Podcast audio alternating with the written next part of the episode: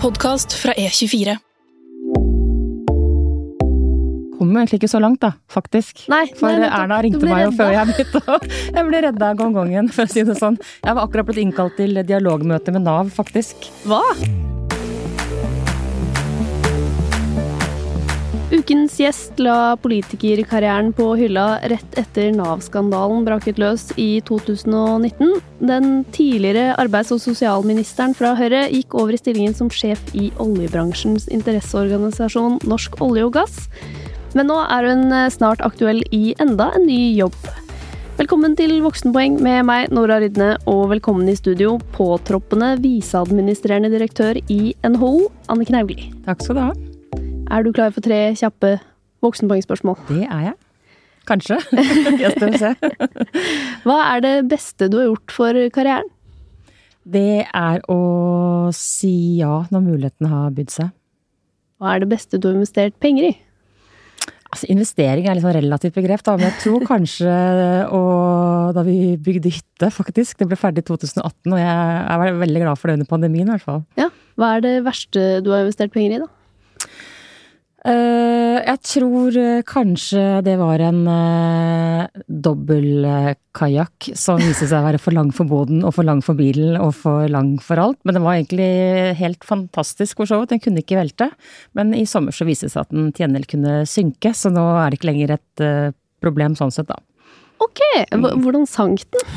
Eh, mannen min og jeg var ute og padla, og vi hadde, også, syns jeg egentlig det gikk litt sånn treigt. Og det er egentlig veldig sånn lettpadla kajakk, da. Så gikk det litt treigt, og så tenkte jeg søren, er vi så dårlig form at vi ikke klarer å padle denne kajakken. Og så sier plutselig mannen min at uh, vi må inn til land, den tar inn vann, og så tar vi fem uh, åretak, og så bare forsvant den under oss, Så da sank den. Så jeg tror rett og slett det hadde bare blitt en sprekk som gjorde at det var fire meter uh, kajakk fylt opp med vann. Så, Ja. så nå er det en history, for å si det sånn. Mannen min er like glad, for den var veldig stor og veldig uhåndterlig. Jeg introduserte deg jo med veldig, veldig mange uh, forskjellige stillinger her, men hva ville du egentlig bli da du var ung? Eller da du gikk på videregående, da? Da jeg var eh, ung, så ville jeg faktisk bli eh, journalist. Det var det som var egentlig eh, drømmen, altså. Men på den tiden så var det veldig, veldig vanskelig å komme inn på Journalisthøgskolen. Det var jo veldig høye krav. Og det var en tid i livet hvor jeg ikke prioriterte innsats for skolen like mye. Så det ble ikke noe journalistkarriere, det ble Blindern og et helt annet løp istedenfor. Hva ble det på Blindern, da? Eh, Da studerte jeg eh, statsvitenskap og sosiologi, så jeg ble, tok hovedfag i sosiologi og ble jo kan på litt, og så tok jeg et lite BI-fag i etterkant. Hmm.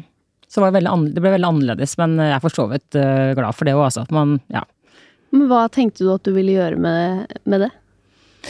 Eh, nei, altså jeg skrev jo som de fleste på den tiden. Uh, altså Studenter er jo veldig opptatt av ofte internasjonal politikk, da, ikke sant. Og du kan jo gjerne, når du ser på hovedoppgavene, så kan du nesten se egentlig eh, det globale konfliktutviklingen. Så jeg skrev jo en hovedoppgave om, om, om krigen på Balkan, på Bosnia. Hvor jeg også hadde vært tidligere. Eh, Og lagde en komparativ analyse mellom konflikten i Algerie og Bosnia. Hadde på, da hadde jeg nok en sånn drøm om kanskje at jeg skulle begynne å jobbe i NUPI eller et eller annet forskningsinstitutt hvor man kunne dyrke denne litt eh, særinteressen. Eh, Men så ble det jo ikke til det, for da gikk jeg jo Jeg hadde da på det tidspunkt så hadde jeg en deltidsjobb i Akershus Høyre. Eh, Og da jeg var ferdig med studiene og valgkampen 2001 var ferdig, så kom Høyre i regjering, og da trengte man folk i stortingsgruppa. Og så gikk jeg dit, og da ble det på en måte den retningen uh, istedenfor, og det var kanskje like greit, det også. Ja. Og nå er jeg for så vidt den hovedoppgaven min er vel relativt utdatert, så jeg tror i hvert fall ikke jeg kan søke jobb på den, i hvert fall. Men hvordan var du som student, da? Var du veldig Var du skoleflink, og så jobbet du masse på siden, eller var det, var det litt gøy òg? Nei, jeg, altså jeg har egentlig alltid eh, eh, hatt det ganske gøy på si, alt jeg på å si. Eh, men jeg var ganske strukturert som student, altså, egentlig. Eh, la opp sånne lange leseplaner og, sånn, så jeg var ganske, Yes. ganske strukturert som student. Sto opp tidlig. Dette var jo på den tiden hvor det var kø overalt, det var jo så fullt. Så hvis man ikke kom på lesesalen før åtte, så fikk man ikke plass, ikke sant. Så man måtte opp tidlig om morgenen for å få plass på lesesalen, og man måtte liksom strukturere seg litt og sånn. Eh, men jeg var ikke noe sånn, ikke noe spesielt skoleflink, det vil jeg ikke si at jeg var, altså. Men eh, jeg var ganske strukturert og, og kom meg jo igjennom, da, sånn sett. Ikke på normert tid, for jeg begynte å jobbe litt for mye ved siden av, og da skjøv jeg litt på eksamene. Klassiker. mm. Eller så jeg skjøv ikke på eksamene, men jeg skjøv på hovedoppgaven. Den ja. var jo den som eh, ble dytta på, og så til slutt så måtte jeg bare bestemme meg for at nå må jeg fullføre, og så klarte jeg å fullføre. Hadde du vært med i Høyre lenge da du begynte å studere? Nei, jeg hadde egentlig aldri Nei, det hadde jeg egentlig ikke Jeg hadde egentlig ikke vært med i Høyre jeg da. Altså, det var eh, Jeg kom jo egentlig inn litt sånn tilfeldig fordi det var et, eh, et 50 stilling i Akershus Høyre som et vikariat, som en jeg kjenner anbefalte. Så jeg hadde det egentlig da som et sånn side Ja, som en sånn deltidsjobb ved siden av studier. Og så var jeg med i, i Minerva og skrev i Minerva på den tiden. Det var jo før det, før man fikk Altså, da var det litt annet format den gangen, da. Eh, så det var egentlig via Det var egentlig på den måten jeg kom inn, da. Um, og, da eh, da jeg var ferdig med, med studiene og for så vidt var egentlig ferdig med å aksjusere, så dukket opp den jobben i stortingsgruppa, og så gikk jeg inn der. Tenkte at det var, det var jo morsomt å kunne få litt erfaring fra Stortinget og se hvordan det fungerte, ikke sant. Og så tok det ene, tok det andre. Mm. Så du er ikke en typisk sånn uh, ungdomspolitiker, broiler-type? Nei, jeg var jo aldri med i Unge Høyre. Altså, jeg vokste opp i et politisk hjem da moren min var eh, aktiv politiker, lokalpolitiker eh, hjemme. veldig, Så jeg så jo veldig nært uh, hvor mye tid som går bort og hva som egentlig legges ned av innsats. Og den veien var egentlig aldri noe aktuell for meg. Jeg var egentlig, det var egentlig ingenting i den retningen som appellerte da. Så jeg var aldri med i eh, Unge Høyre, meldte meg inn veldig sent. Eh, så kom jeg på en måte inn liksom via ja, Minerva og Konservativ studentforening og så og, og, og Akershus Høyre etter hvert, da. Mm. Så du var ferdig på studiene, så fikk du også disse jobbene. Kjenner igjen det, at man tar jo det som kommer. Mm. Man, I hvert fall hvis man har statsvitenskap eller sosiologi og er litt sånn ingen helt klar karrierevei. Men mm. Kan du huske liksom hva du tenkte? At sånn ok, nå skal jeg gjøre det litt, og så skal jeg dit? Eller eh, hva skjedde? Nei, altså det var akrusører, da. Da tenkte jeg at jeg liksom skulle kanskje ut og bruke fag, ikke sant. Og så, og så kom jo da regjeringsskiftet i 2001, og regjeringsapparatet støvsugde jo stortingsgruppa for både representanter og rådgivere. Og så fikk jeg muligheten til å, til å trå til litt der. Og da tenkte jeg at dette er jo kjempemorsomt å se hvordan Stortinget fungerer. Og er du samfunnsengasjert student, så er jo det kjempemorsomt. Um, så var jeg vel der i et års uh, tid. Så ringte Ingjerd Schou, som da var uh, sosialminister. Da hadde hun behov for en uh, ny rådgiver. Um, og så tenkte jeg at det må jeg jo si ja til. Det er ikke så ofte Høyre er i regjering, tross alt, så det er kanskje den ene muligheten jeg får her i livet til å kunne, til å kunne liksom være så tett på beslutningene, da, ikke sant. Så da sa jeg ja til det, og så var jeg hos henne i det var vel en to års tid eller noe sånt. Uh, og så og, visste, og, da visste jeg jo på en måte at, at jeg var jo der på, er der på låntid. Man vet jo at man får ikke gullklokka når du sitter i regjeringsapparatet. Uh, og så, etter et par år, så fikk jeg Jeg ble gravid mens jeg jobbet uh, for henne. Uh, Eldstemann ble født i, i juni 2004. og da gikk jo hun også tilfeldigvis Eh, ut av eh, regjering. Så da var jeg på en måte ute noen år, fødte barn, og så begynte jeg i Forbrukerrådet, var der. Eh, og så, mens jeg var i Forbrukerrådet, så fikk jeg en forespørsel fra stortingsgruppa om jeg kunne ta et vikariat, og det var som rådgiver for Inge Lønning. Jeg var jo ikke egentlig klar for å gå tilbake på Stortinget da. Jeg følte at jeg hadde, jeg hadde egentlig liksom, at jeg hadde vært der. Uh, ja, og nå hadde du funnet voksenjobben din. nå hadde jeg kommet meg ut i den virkelige verden, såkalt. Um, og jeg var jo sånn, tenkte at jeg var litt sånn ferdig med stortingsgruppa da, egentlig. Men uh, så tenkte jeg at uh, søren, altså, Inge Lønning hadde vært utrolig morsomt å jobbe for. Jeg syns han var en helt fantastisk person og politiker. og og ja, en veldig fin, uh, flott representant, da. Så jeg tenkte at det er veldig lærerikt å kunne jobbe for han, så jeg sa ja til det. Um, uh, så da var jeg vel det i et snaut uh, år, det var ni-ti måneder eller noe sånt.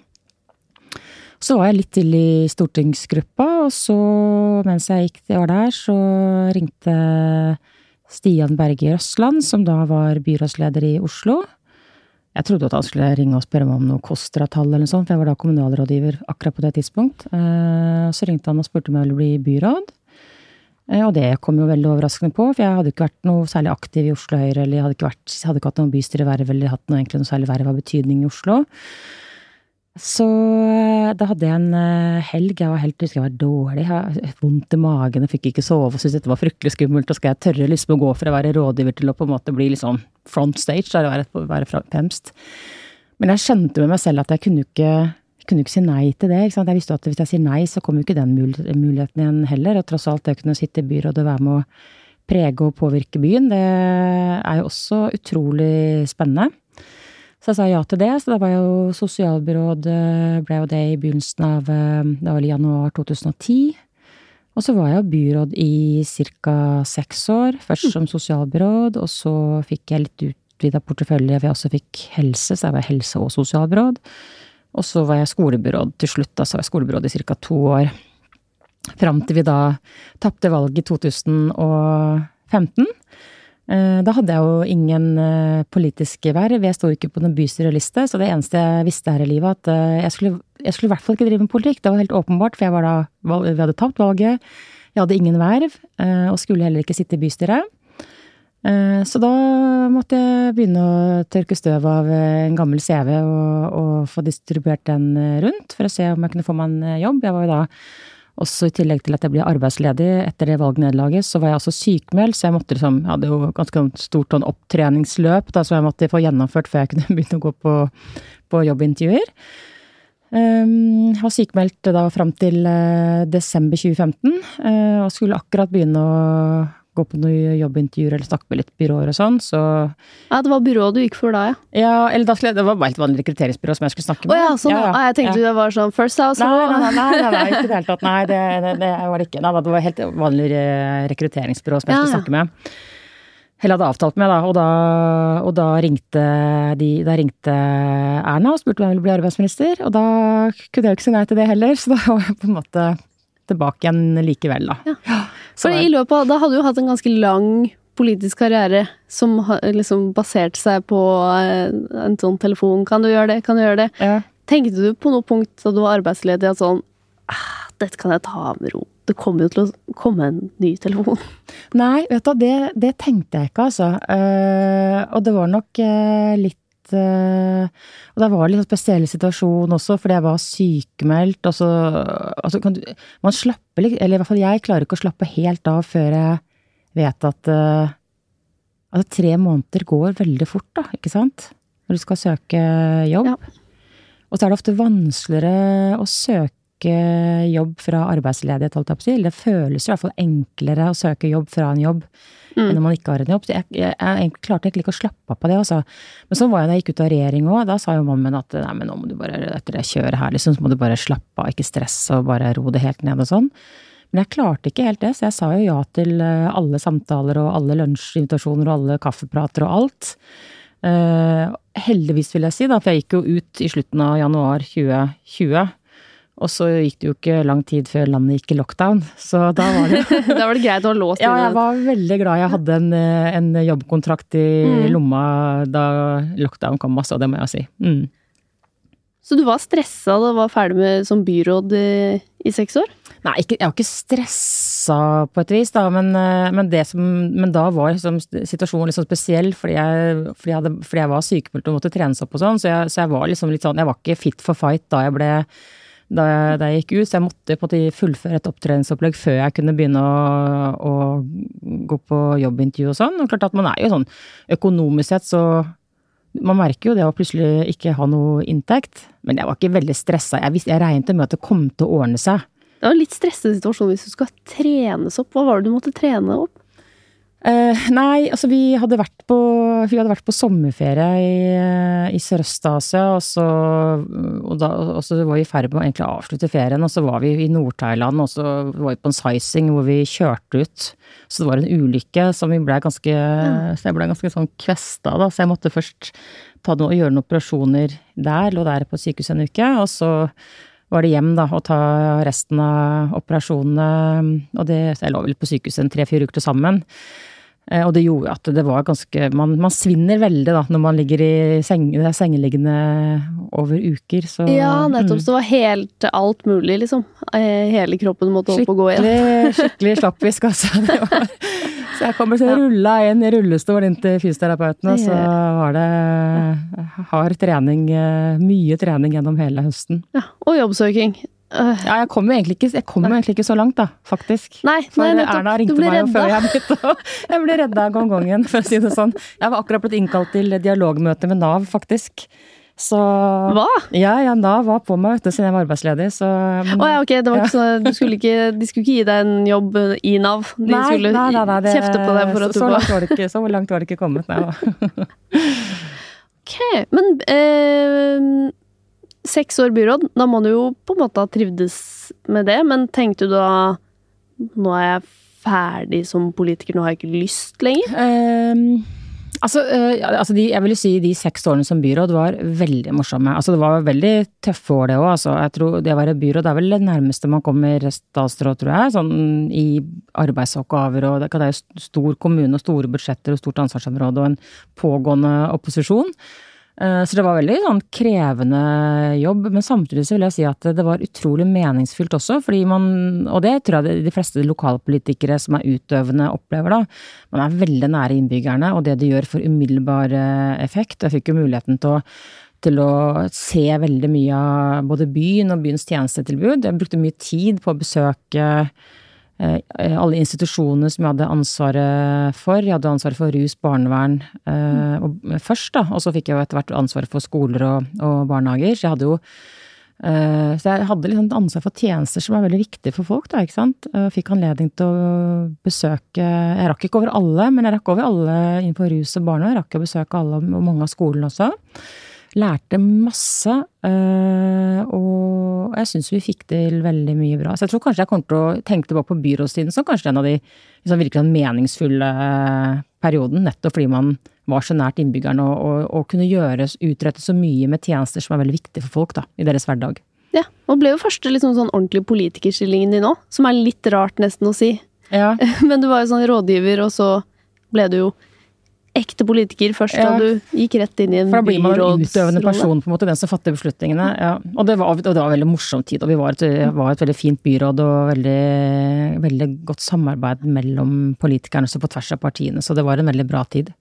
Men jeg tenkte jo ikke, men da tenkte, men jeg, hadde, jeg hadde jo ikke noen ambisjon om å stå på noen liste, verken til bystyret eller til Stortinget, så jeg hadde egentlig og, det er jo veldig mange andre som har øh, lyst til det, så jeg tenkte at øh, jeg skal ikke oppta en jeg, jeg, som egentlig ikke hadde så lyst til å gjøre det, ønsket heller ikke ta opp den plassen. Så jeg så egentlig ikke for meg at jeg skulle drive med politikk, nettopp fordi jeg egentlig ikke ønsket å stå på sånn liste, som jo ofte er en forutsetning eller betingelse da, for å kunne være så heldig å kunne drive med det. Men du må jo ha vært ganske god, da, siden de ville ha deg inn, eller? Jeg vet, jeg vet ikke det, altså. Jeg tror bare, jeg tror det er, men det er noen ganger så handler det om, det handler om å ha litt flaks òg, da, ikke sant. At man er på rett sted til rett tid, ikke sant. At man sier ja til eh, mulighetene. Men jeg tror nok at Uh, Og det er jo utrolig mange flinke folk i både mitt parti, Høyre, da, som jeg har vært med i, og, andre partier. Men, jeg, men uh, jeg tror nok at eh, jeg har, jeg har jo et ansvarsområder eh, som jeg, har, jeg, er jo ikke no, jeg er jo ikke en kontroversiell politiker, ikke sant. Altså, jeg, har jo ingen politiske fiender. Eh, Det er jo ikke, jeg har jo god dialog med, med politikere fra andre partier, og det har nok kanskje hjulpet meg litt òg, altså. eh, I en del av jobben òg. At man blir kanskje litt mindre festlig for journalistene fordi man ikke lager så mye bråk og gøyer, men, men, eh, men eh, til gjengjeld får man kanskje gjennomført litt mer på vanskelige områder fordi man ikke er for kontroversiell, men ja. Litt rundere i kantene. Vil du si du er en partikanin? Nei, det Nei. vil jeg egentlig ikke si. For det høres ut som det er det du beskriver. En som var sånn 'jeg følger partiet, jeg skal ikke med partiet, ikke med noen andre'. Ja, nei, ja, nei, jeg tror, nei, ikke, nei, men jeg er, jo, altså jeg er jo lojal til altså Man må jo følge partiprogram og det som partiet har beslutta. Sånn er det jo, ikke sant. Det må, det må man jo lojalt følge opp. Men, eh, men, eh, men, jeg, men i betydningen av at man hele tiden sitter og klapper begeistret uansett hva man mener, det vil jeg ikke si at det er. Ok, så du har vært uenig, men bare ikke så høyt. Kanskje litt smart move, at folk regner med at sånn Anniken Hauglie sier aldri noe sånn sprelsk, vi gidder ikke å spørre henne, og så sitter du egentlig og har sagt litt sånn Nei, jeg vet ikke, det er vel kanskje Jeg vet ikke, men jeg har jo ikke vært noen konkurrent til noen. Jeg har jo ikke, krang, jeg har ikke slåss med noen om verv eller noe sånt, ikke sant. Nei, Det hjelper kanskje. kanskje det hjelper, vet du. Mm, jeg vet ikke. Hva tenkte du da du fikk den telefonen, da? Altså På én side så tenker jeg at det kan jo ikke ha vært så overraskende når det har skjedd så mange ganger før. Samtidig så var du jo klar for å gå ut i eh, en vanlig jobb. Da jeg ble, da jeg ble arbeidsminister? Ja. Eh, det var jo veldig Det var veldig overraskende, det må jeg jo si. Men jeg, det jeg trodde da faktisk da jeg fikk telefonen, for da var det jo egentlig først eh, Det var jo Ernas stabssjef som ringte og spurte om jeg kunne møte opp. Julie Bråttkorp, som har vært her. Ja, hun har vært her, ja. nettopp. Mm. Så hun ringte og spurte om jeg kunne komme bort til Erna en tur. Og da, det jeg trodde da, var egentlig at de kanskje trengte en statssekretær. Ja. Det var det jeg egentlig tenkte. Så jeg tenkte at det er jo, det er jo like gøy, tenkte jeg. Hva sier man da, når man er klar for sånn statssekretær et eller annet sted? Ja, statsråd, ja. Eh, Du, jeg husker ikke hva jeg, jeg husker ikke hva jeg sa. Jeg tror jeg sa sånn 'du tuller', eller et eller annet sånt. Eh, Jeg kom vel inn på krykker òg, tror jeg. Men, eh, men, eh, jeg, men jeg, husker jeg, sa, jeg husker jeg sa at jeg må, jeg må snakke med mannen min først. Men jeg visste jo, og hun visste jo, at jeg kom jo til å si ja. og da var du klar for enda flere år med sykt mye jobbing? Uh, ja, det var jeg. Men det var en portefølje som jeg Jeg fikk en portefølje som jeg ville ha, det hjelper jo litt. Uh, som jeg likte.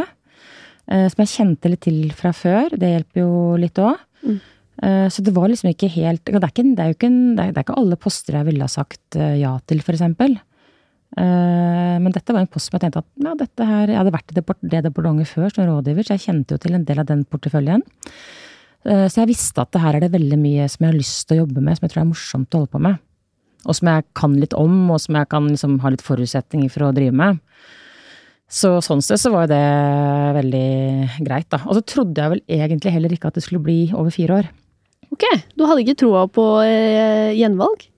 Nei, men det var, ikke så, det var ikke veldig mange som gikk rundt og var sikre på at man skulle få åtte år. Det var det ikke. Så jeg tenkte liksom, som, jeg var sånn mentalt forberedt på at ok, dette er jeg i to år, da er det valg, og da er det ikke sikkert at man får, fortsette. Så, så mentalt så tenkte jeg jo to år, og så, og, så, og som statsråd så hva er det man, det man sier, at du, du skal jobbe med evighetens perspektiv for øye, men du må være forberedt på å gå på dagen. ikke sant? Jeg hadde ikke trodd at jeg skulle sitte i over fire år. Og det er jo ikke veldig mange andre som Det har vært veldig stort gjennomtrekk i det departementet også, så det er jo ikke så veldig mange som har sittet eh, lenger heller. Jeg tror faktisk ikke, jeg vet ikke om noen faktisk som har sittet lenger, så det var ganske lang tid, egentlig, å sitte. Likte du det? Veldig. Ja ja, kjempe, kjempemorsomt, altså. Utrolig mye flinke folk å jobbe med i departementet. Spennende eh, sektor. Det også er en sektor som angår folk eh, veldig, da, fra vugge til grav. Eh, så jeg syns det var veldig spennende arbeidsoppgaver. Og så fikk vi jo utredet eh, og fikk gjort en del eh, reformer som har vært viktige og riktige, som har ligget og venta. Fikk gjennom en stor pensjonsreform i offentlig sektor, og så vi fikk liksom, fikk liksom rydda bordet en god del, da. Og så er det jo krevende dager, kjære vene. Det er jo, det er jo ikke noe ni til fire-jobb, og, og hadde jo også ganske små barn. Men, eh, men eh, jeg syns det var utrolig morsomt. Men Kåre Willoch sa det veldig bra en gang. Eh, Det er mye morsommere å ha vært statsråd enn å være det. og det tror jeg er noe i det. Det er morsomt å være der når man er der, og så er det i grunnen ganske greit å være ferdig med da. Ready to pop the question? The jewelers at BlueNile.com have got sparkle down to a science with beautiful lab grown diamonds worthy of your most brilliant moments. Their lab grown diamonds are independently graded and guaranteed identical to natural diamonds, and they're ready to ship to your door. Go to BlueNile.com and use promo code LISTEN to get $50 off your purchase of $500 or more. That's code LISTEN at BlueNile.com for $50 off. BlueNile.com code LISTEN.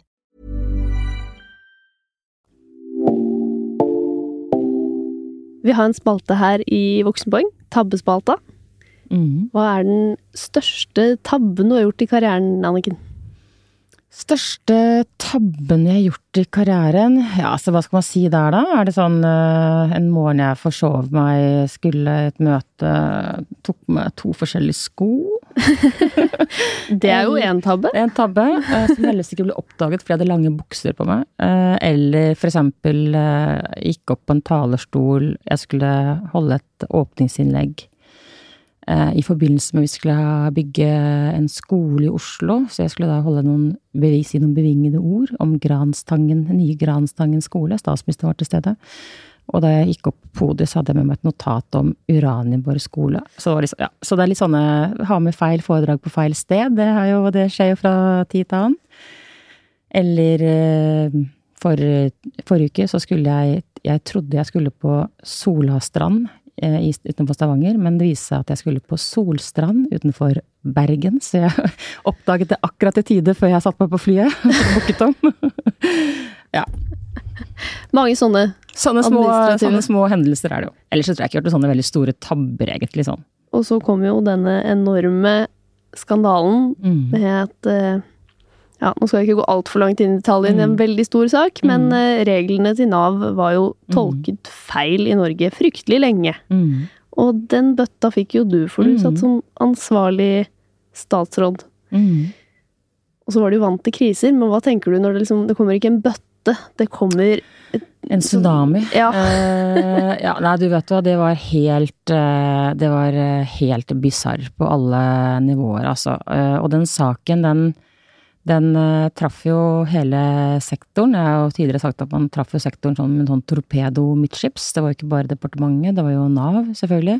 Det var jo Trygderetten, så det var hele på en måte eh, Alle etatene, holdt jeg på å si, i tillegg til eget departement, gikk jo bare ned fullstendig i knestående eh, omtrent. Og mm. da husker jeg sa til departementsråden at det går ikke. Kan, vi kan ikke gå ned i knestående, nå må vi opp og prøve å finne ut av hva i alle dager er det som har eh, skjedd. Eh, og, det som, og mange trodde jo at da vi gikk ut og offentliggjorde saken, at vi hadde full oversikt og full kontroll over alt som hadde skjedd sånn. Men da vi gikk ut, vi gikk jo ut på et veldig tidlig tidspunkt. Selv om folk ikke tror det, så var det et veldig tidlig tidspunkt. Så vi hadde veldig liten oversikt over egentlig hva som hadde skjedd, hvor mange som var berørt, eh, hvor langt tilbake dette gikk. Ante egentlig ingenting om. Det var jo noe som vi fant ut uh, mens vi satt og, og, gravde. Så det var en sånn sak hvor det var litt sånn følelsen av å hver dag gå ut i et minefelt med bind for øynene og ikke helt vite på en måte hva er det, denne, hva er det vi finner denne dagen. Eh, og naturlig nok så, så, fikk jo den saken utrolig stor oppmerksomhet. Alt annet ville vært uh, veldig rart. Et enormt medietrykk. Et enormt trykk fra Stortinget, selvfølgelig. Og samtidig som vi skulle både besvare bøttevis av spørsmål, hundrevis av spørsmål fra Stortinget og fra journalistene, så skulle vi også forsøke å finne ut hva det var som hadde skjedd og vi skulle starte oppryddingsarbeidet samtidig. Altså ikke bare finne hva som hadde skjedd, men også kan sette ned granskingsutvalg, få på plass en rettshjelpsforordning, så alt det som skulle til for å liksom rydde opp da, og, mm. og ivareta de som tross alt var berørt. Eh, så vi måtte gjøre veldig mye parallelt, eh, og i løpet av veldig, og på ganske kort tid også. Eh, fra saken, fra vi offentliggjorde saken til jeg gikk av, tok det jo tre måneder, og det var jo et kontinuerlig trykk i løpet av de tre månedene. Så jeg unner jo ingen å oppdage sånne saker, men når man først oppdager sånne saker, så er det jo veldig lærerikt. Da man lærer mye om seg selv, altså hva er det jeg faktisk klarer å stå i. Mm. Og man lærer veldig mye om, om si, kriseledelse, hvordan lede en, en, organisasjon som er i en veldig krevende situasjon. Uh, og man lærer mye Det er veldig lærerikt på alle måter, egentlig. Det vil jeg også si. Det er kanskje den saken jeg har lært mest av på godt og vondt, da. Ja, det vil jeg mm. Det tror jeg på. Mm. Men kan du huske liksom når beskjeden kom? Hvordan det skjedde? Ja, altså vi fikk jo beskjed Vi fikk jo beskjed i, um, i uh, september. Uh, da uh, Eller først fikk vi en, en, beskjed i en henvendelse fra Nav, det var i slutten av oktober en gang, om at de hadde begynt å gå litt sånn nærmere inn en del sånne EØS-saker. Og begynte å fatte litt mistanke om at noe kanskje ikke var helt sånn det skulle være. Og så og så ba vi de om å utdype og presisere. Kom de tilbake til oss i midten av september, og da trodde de kanskje at det var en uh, rettsanmeldelsesfeil eh, som hadde konsekvenser for straffesporet. Eh, og da husker jeg vi sa at gud hjelpe meg, hva, alle dager, altså hva er dette, altså, skjønner ikke Norge norsk lov, liksom? Er det er det, er det, dere sier? Ja, de begynte å frykte at kanskje det var en, en rettsanmeldelsesfeil. Og det betyr jo at, det det betyr er jo at uh, at forvaltningen har tolket eh, loven feil, og så betyr det at uh, domstolene heller ikke har skjønt loven. Så det vi gjorde da, var at vi tok umiddelbart og sendte ut melding til politidistriktene og ba de stoppe pågående saker til vi visste litt mer om eh, er, det det, er, det det verste, er det det vi tror, eller, det være, eller er det bare rett og slett en, en, en, misforståelse? Så vi stoppet jo alle de sakene som var i, i straffesporet. Um, det var egentlig veldig rart at ikke noen fattet mistanke allerede da, for å være helt ærlig. At ikke noen begynte å lure hvorfor stopper man sakene. Og så ba vi om en uavhengig redegjørelse fra regjeringsadvokaten. For sånn som jeg sa at hvis jeg skal gå ut og si at norske myndigheter ikke har forstått norsk lov, og at domstolene har fattet feil beslutning i alle saker, eller mange saker, da må jeg vite at det er sannsynligvis riktig, for det er såpass alvorlig å gå ut og si noe sånt, så jeg må ha viss klarhet i om det er det som er realiteten. Mm. Og regjeringsadvokaten fikk jo også veldig kort tid på seg til å besvare et veldig vanskelig spørsmål, eh, men, eh, men, men var veldig klar da, i, i, sin konklusjon om at jo, eh, Norge har tolket loven feil. Og da fikk vi jo Riksadvokaten og direktøren i Nav var jo med på den pressekonferansen hvor vi offentliggjorde saken, da. Fikk du noe tid til liksom panikk her, eller var det bare sånn ok, da begynner vi å rydde, pinne for pinne og Ja, det var Nei, altså panikk hadde jeg, det hadde jeg ikke tid til å begynne med. Men så da, da var det bare å bruke all energi på å finne svar og svare på henvendelser. Jeg tror vi hadde første uka, tror jeg vi hadde var det 110 medhenvendelser første uka. Det var liksom 10-15 henvendelser hver eneste dag. Så det var jo et veldig stor interesse, ikke sant. Så, mm. så vi brukte, jeg brukte all min energi på å rydde og, og, og, og si, finne ut av saken, egentlig. Hvor mye blir man sittende og jobbe da, egentlig, som statsråd, når eh, ting går så lukt til helvete? Det blir mye, vet du. For, du bruker, for det første så bruker man jo veldig mye tid på mediehåndtering, ikke sant. Mm. Fordi man kan jo ikke si nei til Og i hvert fall de første to ukene tok jeg jo alt selv. Uh, rett og slett fordi at hvis man sier nei til en henvendelse, så blir man jo beskyldt for å dukke. Og det, det, jeg orker ikke debatter om det, så jeg må bare ta alt. For å unngå i hvert fall den diskusjonen. Eh, så det brukte jeg veldig mye tid på de første to ukene. Og så brukte jeg jo veldig mye tid på å svare på spørsmål til Stortinget. Og klart, jeg måtte jo lese gjennom alle svarene og godkjenne alt før det ble sendt over til Stortinget. Så jeg brukte mye tid på å sette meg inn i saken, altså. Virkelig. Ja. Og det må man jo, for du må, du må ha kontroll på du må kontroll, altså På en sånn sak så må du ha kontroll på. Så all tid eh, Jeg brukte ikke tid på noe annet i de tre månedene enn den saken. Familien din så ikke så veldig mye av deg i de tre eh, månedene? Eh, nei, og, eh, og, akkurat den da jeg, jeg, var veldig glad for at jeg bor sammen med familien min. Eh, for eh, barna mine de gikk jo da i åttende og tiende klasse på ungdomsskolen. Og det er litt sånn det er jo litt sånn krevende fase eh, når du Jeg husker jeg kom hjem fra jobb en dag hvor Elsemann sier at 'mamma, det er seks saker med deg på vg.no'. ikke sant? Og ekstremt trykk, ikke sant. Og de hørte jo og så, og folk prata og pekte. Så var, jeg var veldig glad for at jeg bodde sammen med de i den perioden, og at jeg kunne vi kunne snakke mye om forskjellen på skyld og ansvar, og mm. vi kan skille på liksom Det er liksom litt mye kaos på jobb, men på en måte privat altså, Vi kunne liksom Fikk liksom roa det litt, da, for de syntes det var veldig krevende. I hvert fall Elsemann syntes det var veldig tøft, altså. Ja. De lærte litt, uh, de òg, i den perioden. Ja da, men altså, vi har hatt mye, vi har hatt mye demokratiopplæring uh, hjemme hos oss. Jeg husker det var byråd også, så var det annonsert i Dagsavisen stor demonstrasjon mot et eller annet uh, budsjettkutt da, som jeg hadde ansvaret for. Og da husker jeg sa det til eldstemann at ja, det kan tenkes at det står litt mye i avisen om mamma nå, det skal være en stor demonstrasjon. og så husker jeg at eldstemann var, da var ganske liten, og så sier han 'Mamma, kommer det med sånne høygafler mot deg?' Nei, det gjør det ikke. Så vi snakket liksom mye om at det å ha ulike meninger er helt, ja. uh, helt greit å ha. Altså.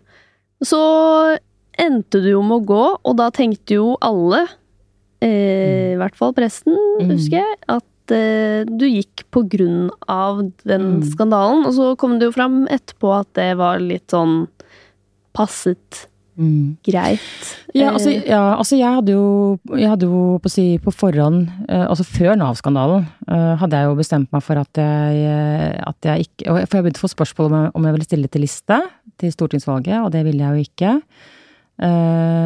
Så det var, det var jeg som helt fast bestemt på, og det var jo også partiet veldig klar over at jeg ikke hadde tenkt til å gjøre. Så sånn sett så var jo mine dager talt egentlig uansett.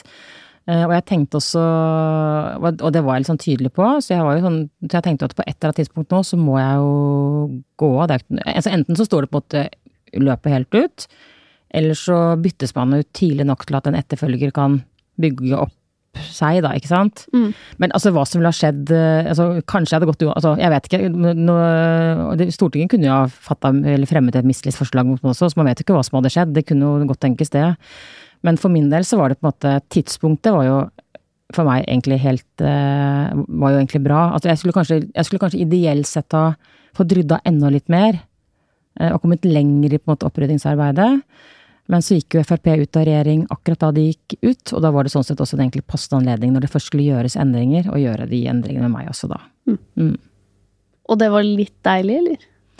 Ja, altså jeg, jeg, jeg, må jo si sånn Kan jeg høre folk eh, Det er gjerne sånn når folk står i sånne vanskelige saker, så, så, man, så er det noen som trekker seg hensyn til familien, eller noen trekker seg hensyn til helsa og sånn, og så blir det gjerne hu-hu, ler man litt av det, og ja, særlig, særlig helsa, særlig familien, og det, dette sier det bare for å slippe unna, liksom, ikke sant. Og jeg må jo si, i den perioden så skjønner jeg veldig godt at noen trekker den øh, konklusjonen, fordi øh, jeg, jeg, bodde med min familie, så, de liksom, så, så det var egentlig helt ok. Men det er et enormt eh, press man står i. Og jeg husker veldig godt at det var på det verste, så man mister jo nattesøvnen, man mister jo matlysta, ikke sant. Typiske, klassiske første ting som skjer. Mm.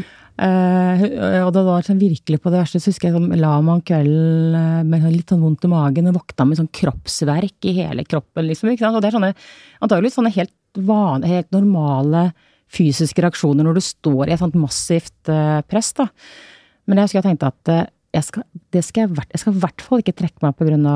helsa eller familien eller Det, det, det går ikke. Jeg, den, den, gleden gir jeg dem ikke, for å si det sånn. Og noen har spurt meg sånn Hvordan orker du å stå i det så lenge? Så sa jeg jeg står på trass. Det er bare på ren trass. Mot hvem da? Mot pressen, eller nei, mot men liksom, nei, altså det var jo Det ble jo det blir, Men det er jo sånn dynamikk i sånne saker, ikke sant. At man er veldig opptatt av at noen skal gå, eller noen skal tas, ikke sant. At noen skal få skylda og sånn. Eh, og det, og det, kan jeg godt forstå, altså. Eh, men det, det, blir veldig sånn Det blir veldig sånn drevet mot eh, det, ikke sant. Jeg så liksom også hvordan noen i opposisjonen hadde fått bestemme seg for at det var det, de, de, ville felle meg, det var det de ville skulle bli konklusjonen. Så man så veldig at de jobbet også på en måte litt sånn for å, for å begrunne det, ikke sant. og det er heller ikke så unaturlig sånn rent politisk. Nei. Så, så, Men samtidig, da du gikk, så ble du jo eh, kalt eh, feig, og at du tok mm. den enkle veien ut og ja. sånt også, da. Så det var jo ikke mulig å gjøre nei, noe det, riktig. Nei, det også var litt sånn, synes jeg var litt sånn, nesten litt sånn komisk, da. Fordi eh, det var jo noen av, noen av det, i opposisjonen som liksom hele tiden hadde ja, jeg, kan, jeg fikk jo fremmet et mistillitsforslag mot meg veldig tidlig. Det ble, jeg fikk jo bare én stemme.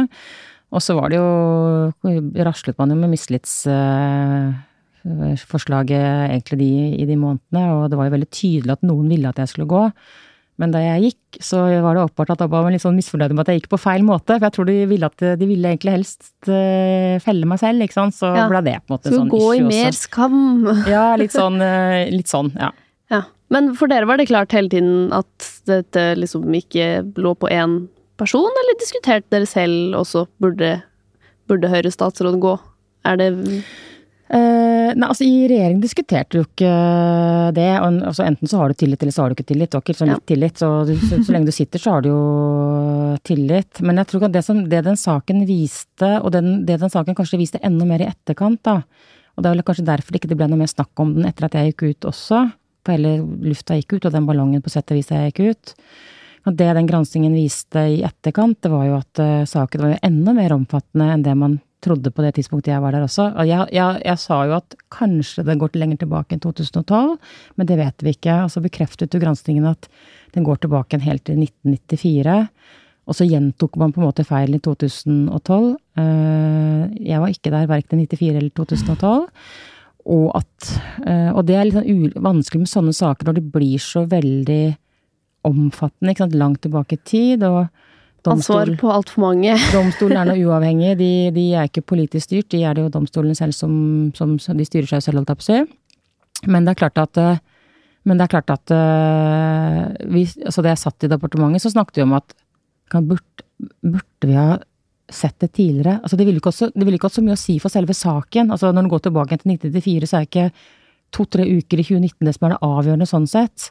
Men det er klart at man har jo stilt, vi stilte spørsmålet burde man ha sett dette før.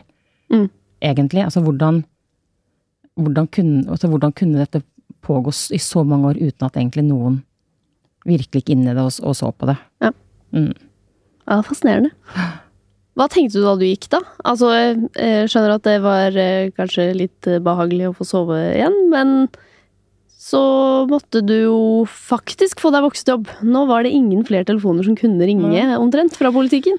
Men det var sånn, jeg var litt sånn dobbelt på det å skulle gå av. fordi på den siden så var jo saken eh, Saken var jo ikke ferdig. Den ble jo ikke eh, ferdig. Den er jo strengt tatt egentlig ikke ferdig ennå, i og med at domstolen ikke er ferdig. Men eh, fra departementets side er den vel nesten ferdig. Men så sånn så var jeg litt sånn dobbelt på det. På den siden så skulle jeg jo tenkte at, at ideelt sett skulle jeg gjerne ha kommet enda lenger oppryddingsarbeid og sørget for at etterfølgeren min slapp å begynne på en sånn type sak, ikke sant. Det er ikke noe stas å komme inn og, og, og få en sånn sak i fanget. Eh, og samtidig så var det selvfølgelig Det hadde vært et massivt press i tre-fire måneder, så det var jo rent sånn personlig så var det godt å kunne eh, ikke måtte stå opp og gå opp på jobb dagen etterpå, for å si det sånn. Men så skulle jeg begynne å søke jobb. Eh, og da var jeg jo litt sånn, eh, også litt usikker på hva jeg skulle bli da jeg ble stor, da, ikke sant. Hadde ikke permisjon fra noen annen jobb. Og da var det å begynne å, å orientere seg litt og takke ja til samtaler og kaffeprater og lunsjer og det som var. Og så, og så, ja, så kom det noen spennende muligheter, og så ble det jo Norsk olje og gass, da. Så du ble headhunta. Du rakk ikke å sende søknader? Nei, jeg rakk ikke å sende noen eh, søknader. Det gjorde jeg ikke, nei. Hva tenkte du da du fikk eh, tilbud om eh, jobben i Norsk olje og gass, da? Eller Norog, som vi Norog, så fint kaller det. Jeg, det det syns jeg var veldig spennende. For det første så For det tenkte jeg jo litt på. Hva skal jeg gjøre nå som jeg skal ut av politikk og jobbe i en sånn interesseorganisasjon? Er jo for så vidt du er litt sånn i, i grenseland mellom politikk og business eh, som en. Og så tenkte jeg at uh, Norsk olje og er jo en, um, det er en stor og viktig næring. Jeg kjente jo litt til den fra før som statsråd også. Jeg hadde jo ansvar for Petroleumstilsynet blant annet, så jeg hadde jo hatt gleden av å være på plattform blant annet. Uh, men stor og viktig næring. Sysselsetter mange. 110 virksomheter på norsk sokkel. En næring hvor det skjer masse. Kommer til å skje mye i årene framover. Eh, en relativt stor organisasjon. Det er vel ca. 66 eh, ansatte.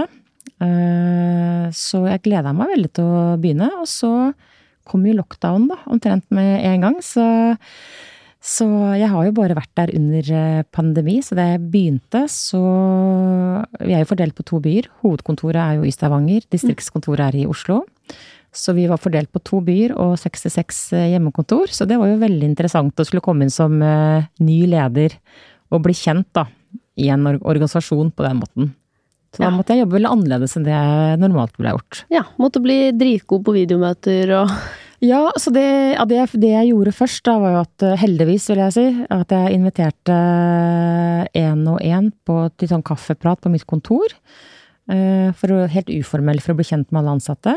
Eh, og det var rett og slett fordi jeg forsto veldig fort at eh, her er det en del jeg ah, ikke kommer til å se på evigheter om ikke jeg gjør det på denne måten. For det er jo en del, jo en del personer i en organisasjon som man ikke har så mye kontakt med som leder, da, ikke sant. Men du, mm. men du møtes kanskje i kantina eller over kaffemaskinen eller, eller andre steder. Så jeg hadde én-til-én-samtaler med alle ansatte, eh, heldigvis. Og så ble det jo lockdown, og da ble det jo Teams. Så dette har vært et år hvor jeg måtte gjøre veldig mye av det jeg er ganske dårlig på. Lede på Teams og telefon. Og fått gjort veldig lite av det jeg er eh, mer eh, god på, nemlig møte folk. Så det har vært en eh, øvelse, vil jeg si, å sitte på hjemmekontor eh, i stua med to tenåringer på hjemmeskole Nei, jeg er glad er over, altså. Virkelig glad er over. ikke noe for meg. Nei, det, det, det er jeg enig i. Det har ikke vært veldig gøy. Nei. Men hvordan var det å ta over Norog som liksom eh, Ja. Eh, å være talsperson for en bransje som på en side er veldig populær i Norge, og så i stadig større grad blir veldig upopulær i Norge? Eh, den er egentlig ikke så upopulær som man kanskje skulle få inntrykk av. Det er faktisk veldig stor oppslutning om eh, olje- og gassnæringen eh, fortsatt. Vi gjør jo egne målinger, selvfølgelig. Og når man ser på, hvis man tenker at stortings- eller valget er en slags målestokk, så ser man at det er fortsatt stor oppslutning om de partiene i hvert fall, som er opptatt av olje- og gassnæringen. Nei, altså jeg, eh, jeg, tenkte egentlig ikke Jeg så det egentlig ikke på den måten. Eh, altså jeg visste jo at, eh, at bransjen på sett og vis er blitt mer omstridt, ikke sant, De er sånt klimaperspektiv osv. Og, og at, og at det, det, kan være en del sånn tøffe debatter og litt sånn vært eh, diskusjoner og sånn. Det visste jeg jo selvfølgelig. Men eh, samtidig så, så, skjer det så utrolig mye bra og spennende og viktig i bransjen også. Eh, altså ikke, ikke, minst også for klima og for det grønne skiftet og omstilling av norsk økonomi. Så jeg så egentlig bare på dette som en utrolig spennende mulighet og, og utfordring. Utrolig mye flinke folk i organisasjonen. Kjempespennende. De kan, de kan, veldig mye av det som jeg aldri har kunnet, selvfølgelig. Veldig mange, det er veldig mange realister og ingeniører og geologer og marinbiologer og veldig mange spennende eh, fagbakgrunn på de som jobber der. Så jeg syns dette egentlig har bare vært eh, veldig spennende og, og, morsomt. Jeg skulle ønske selvfølgelig at jeg kunne fått oppleve mer av norsk olje og gass i et normalår. Fordi jeg kom inn under pandemi, og jeg går jo ut sånn på avslutningen av en pandemi. Så jeg har jo på mange måter ikke opplevd organisasjonen i en sånn helt normal eh, tid. Men samtidig så vil jeg også tro at når jeg går over i, i NHO, så vil jeg fortsatt ha mye med norsk olje og gass å gjøre. Det vil jeg. Og, og, og næringen også, ikke minst. Ja, du får bare litt eh, sånn mer eh, droneperspektiv. litt mer droneperspektiv, det ja. blir du helt sikkert. Men, uh, men, det er utrolig mange spennende virksomheter, og, og, det skjer veldig mye spennende på teknologisiden og innovasjonssiden i, i bransjen. The number one selling product of its kind with over 20 years of research and innovation. Botox Cosmetic, out toxin A, is a prescription medicine used to temporarily make moderate to severe frown lines, crow's feet, and forehead lines look better in adults. Effects of Botox Cosmetic may spread hours to weeks after injection, causing serious symptoms. Alert your doctor right away as difficulty swallowing, speaking, breathing, eye problems, or muscle weakness may be a sign of a life threatening condition. Patients with these conditions before injection are at highest risk. Don't receive Botox Cosmetic if you have a skin infection. Side effects may include allergic reactions, injection site pain, headache, eyebrow and eyelid drooping, and eyelid swelling. Allergic reactions can include rash, welts, asthma symptoms, and dizziness. Tell your doctor about medical history, muscle or nerve conditions including ALS or Lou Gehrig's disease, myasthenia gravis, or Lambert-Eaton syndrome and medications, including botulinum toxins, as these may increase the risk of serious side effects. For full safety information, visit BotoxCosmetic.com or call 877-351-0300. See for yourself at BotoxCosmetic.com.